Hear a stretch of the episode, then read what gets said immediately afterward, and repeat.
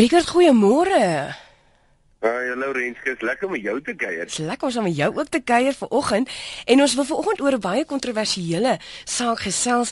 Uh daar's mos nou sprake dat 'n wet deurgevoer gaan word dat ouers nou nie meer hulle kinders mag pak gee by die huis nie. So lyfstraf mag nou nie meer toegepas word nie. Ek dink nie die wet is al deurgevoer nie, maar daar is sprake daarvan en ek het nou op verskeie radiostasies die afgelope week of twee geluister wat die reaksie is daarop van die mense. Dis baie dis baie dis 50-50. Baie mense sê oorweldigend ja en die ander sê nee nee, maar vanoggend wil ek by jou Rieke hoor. Wat sê die Bybel en en Christendom omtrent lyfstraf? Dis nou 'n lekker een. Kyk, die oomblik wat jy nou sê kontroversieel, dan dink ek sommer in my hart. maar wat my nou betref, is dit nou nie vreeslik nie, maar dis mos hoe elke ou dink oor sy eie opinies, jy sien. Maar as jy my nou vra wat sê die Bybel, nou onthou ek, kyk, ehm um, ek is grootgemaak met 'n met 'n pak slaaf wanneer ek hom nodig gehad het en ek het my kinders so grootgemaak. Uh en ek onthou as ek nou byvoorbeeld 'n pak slaam moes kry en dalk luister my pa nou so dis 'n nou spesiaal vir my vir hom op. Dan uh, dan lees my pa vir my uit die Bybel.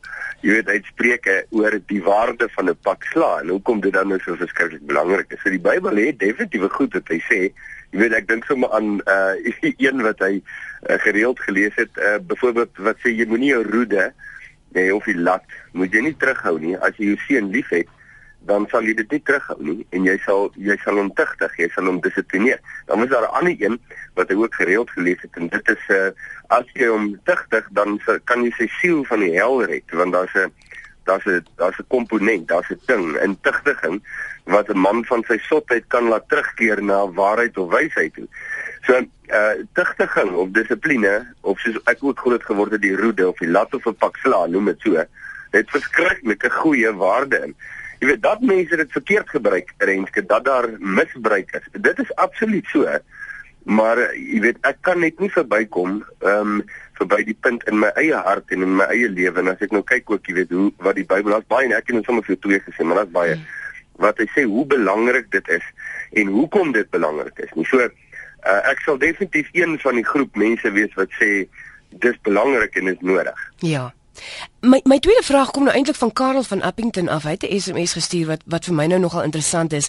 Hy sê tug moenie verwar word met lyfstraf nie, omdat die metode geweld kan insluit soos vuishouers, skoppe en klappe soos jy dit gesê het. Doen weg met die term lyfstraf en pas weer tug toe soos voorheen. Wat het jy daaroor te sê, Rickert?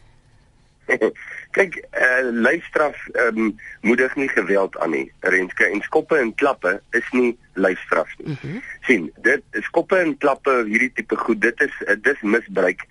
En dis nie dit is nie in God se styl nie. Dis nie hoe hy dit doen nie en dit is ook nie waarvan die Bybel praat nie.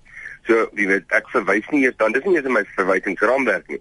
Ehm um, ek dink 'n goeie liefdevolle pak sla het baie belangrike plek in 'n kind se lewe. Nou kyk ek na my eie kinders kan jy definitief sê en ook in myne geen pak slaaf wat ons ooit gekry het het um, het geweld aangemoedig jy weet en het nou 'n een of ander sielkundige die knak in ons gegee wat maak dat ons nou ander mense graag wil seermaak nie. Wat wel daai ding bevorder in ons lewens is waar ons ons vasloop in die liefdeloosheid van ander mense en seer kry en dan moet 'n klomp bitterheid in ons harte rondloop en dan graag daai bitterheid op ander mense wil uitdeel en dan loop ons eie huismense deur ons eie vrouens en ons eie kinders maar dit het nou jy weet niks te doen met 'n gesonde liefdevolle pak slaan nie so jy weet dit vir my nog as dis vir my sterk en belangrik om te verstaan. Ja. Ehm um, ek dink dit was daar's een argument Renske wat ek sou vir jou wil gee. Uh, uh wat nogal vir my belangrik is en dit is Ehm um, nou goed die twee onderwerpe hou nog glad nie verband nie in die aard van die saak maar jy sal die beginsel kan sien daar en dit is ehm um, daar's geweldige seksuele misbruik. Uh en mense se lewens word amper onvernietigbaar verwoes as gevolg daarvan. Kinders, groot mense, ou mense almal. Nou ehm um, niemand argumenteer oor die belangrikheid van 'n seksuele verhouding nie en dat dit belangrik is vir die mens se siege en sy wese en sy emosies. So om nou 'n wet te gaan uitvaardig en sê dan mag geen seksuele verhouding meer gebeur nie want mense word verkrag sou vir almal belaglik wees en 'n verdraaiing van hierdie hele ding. Nou die beginsel van daai argument is vir my nogals partykeer jy weet van krag ook hier wanneer dit kom by by dissipline enige uh, ouer wat sy kind liefdeloos hanteer, uh, wat sy waardigheid skenk ehm um, jy weet of hom verwerp of hom afsny as 'n metode van dissipline is ontsaglik skadelik en ons praat nie daarvan as wanneer ons van dissipline praat nie. Maar ek dink om 'n uh, misbruik te probeer voorkom en dan die beginsel en geheel en al te probeer afskaf deur wetgewing is vir my ongebalanseerd en nie reg nie. Ek wens ek kon langer met jou praat oor hierdie baie kontroversiële onderwerp. Riek, ek het nog 'n hele paar vrae gehad, maar dit is reeds 8 uur ons moet kom by die nuus. Gee gou vir ons ons pleister vir die vir die dag. Ja, dit is nou 'n lekker een, hè. Uh kom ons sê, ons sê net die die Bybel sê vir gelowiges wat dit baie goed ook verstaan, is dat tugtiging dissipline het 'n baie belangrike rol in enige mens se lewe. Jy kan nie daarsonder lewe nie. En daar's verskillende grade van dissipline en tugtiging ook.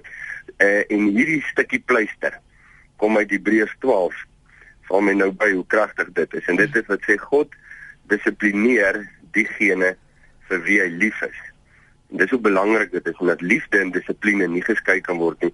So ek dink, jy weet as jy vandag 'n disipel van Jesus is en jy voel partykeer jy weet 'n bietjie gedissiplineer, verstaan dit is omdat God jou liefhet en vir geen ander rede nie. Tini sê nou jy is ook hoeka hier so per SMS 'n pak op sy tyd is soos brood en konfyt. maar dan sê iemand anders ook iets wat baie waar is, 'n belangrikste, die belangrikste is om jou kind 'n pak slaag te gee wanneer jy nie kwaad is nie. Die ouer moet ja, eers afkoel voordat hy die pak voordat dat pak gegee word. Anderste kom seker al die frustrasie van die week ook sommer saam met daai een pak uit en dan maar die ander arme kind daaronder lê. Mm, ek stem absoluut saam. Renske, hierdie gesprek is 'n baie lekker een en groot wysheid daai. Riket baie dankie daarvoor. Ek hoop jy het 'n heerlike dag en ek hoop jy bly ingeskakel by RSG en luister saam en ek hoop om gou weer met jou te praat. Dankie Renske, lekker dag vir jou ook. Mag dit goed gaan.